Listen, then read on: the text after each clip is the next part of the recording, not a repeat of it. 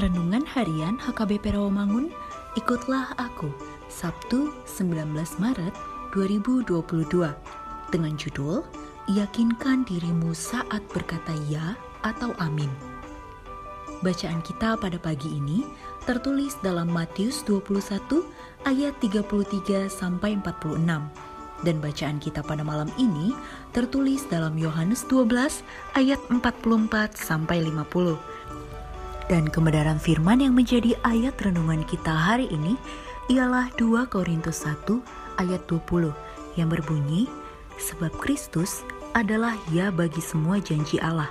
Itulah sebabnya oleh dia kita mengatakan amin untuk memuliakan Allah. Demikian firman Tuhan. Amin artinya ya atau pasti.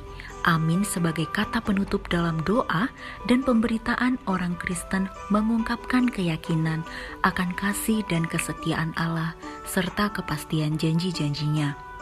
Itulah suara iman yang meneguhkan lagi dan menyatukan diri dengan kebenaran Injil Kristus yang tidak tergoyahkan itu. Segala yang sudah dijanjikan Tuhan mengenai keselamatan manusia digenapi di dalam Yesus Kristus. Kristus adalah ya bagi semua janji Allah, amin dan ya sama artinya.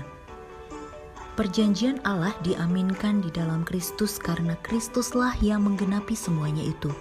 Kristus disebut amin, saksi yang setia dan benar, permulaan dari ciptaan Allah. Kita mengatakan amin atas segala yang sudah dijanjikan Tuhan apabila kita mengenal Kristus sebagai juru selamat kita.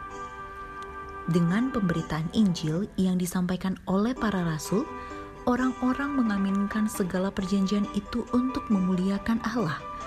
Allah dipermuliakan oleh karena iman kita akan perjanjiannya.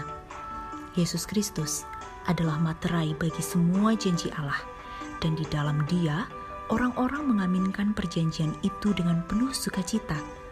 Siapa yang menerima kesaksiannya itu, ia mengaku bahwa Allah adalah benar penggenapan semua janji Allah ada di dalam Yesus Kristus. Yesus Kristus telah memenuhi semua janji Allah kepada umat manusia. Di dalam Tuhan Yesus hanya ada ya. Kristus adalah ya bagi semua janji Allah. Dengan kata lain, Tuhan Yesus pasti menepati semua yang telah diucapkannya. Mari kita berdoa. Tuhan ingatkan kami agar jangan mengatakan amin, tetapi tidak memiliki keyakinan akan kebenaran-Mu dan kehadiran-Mu. Amin.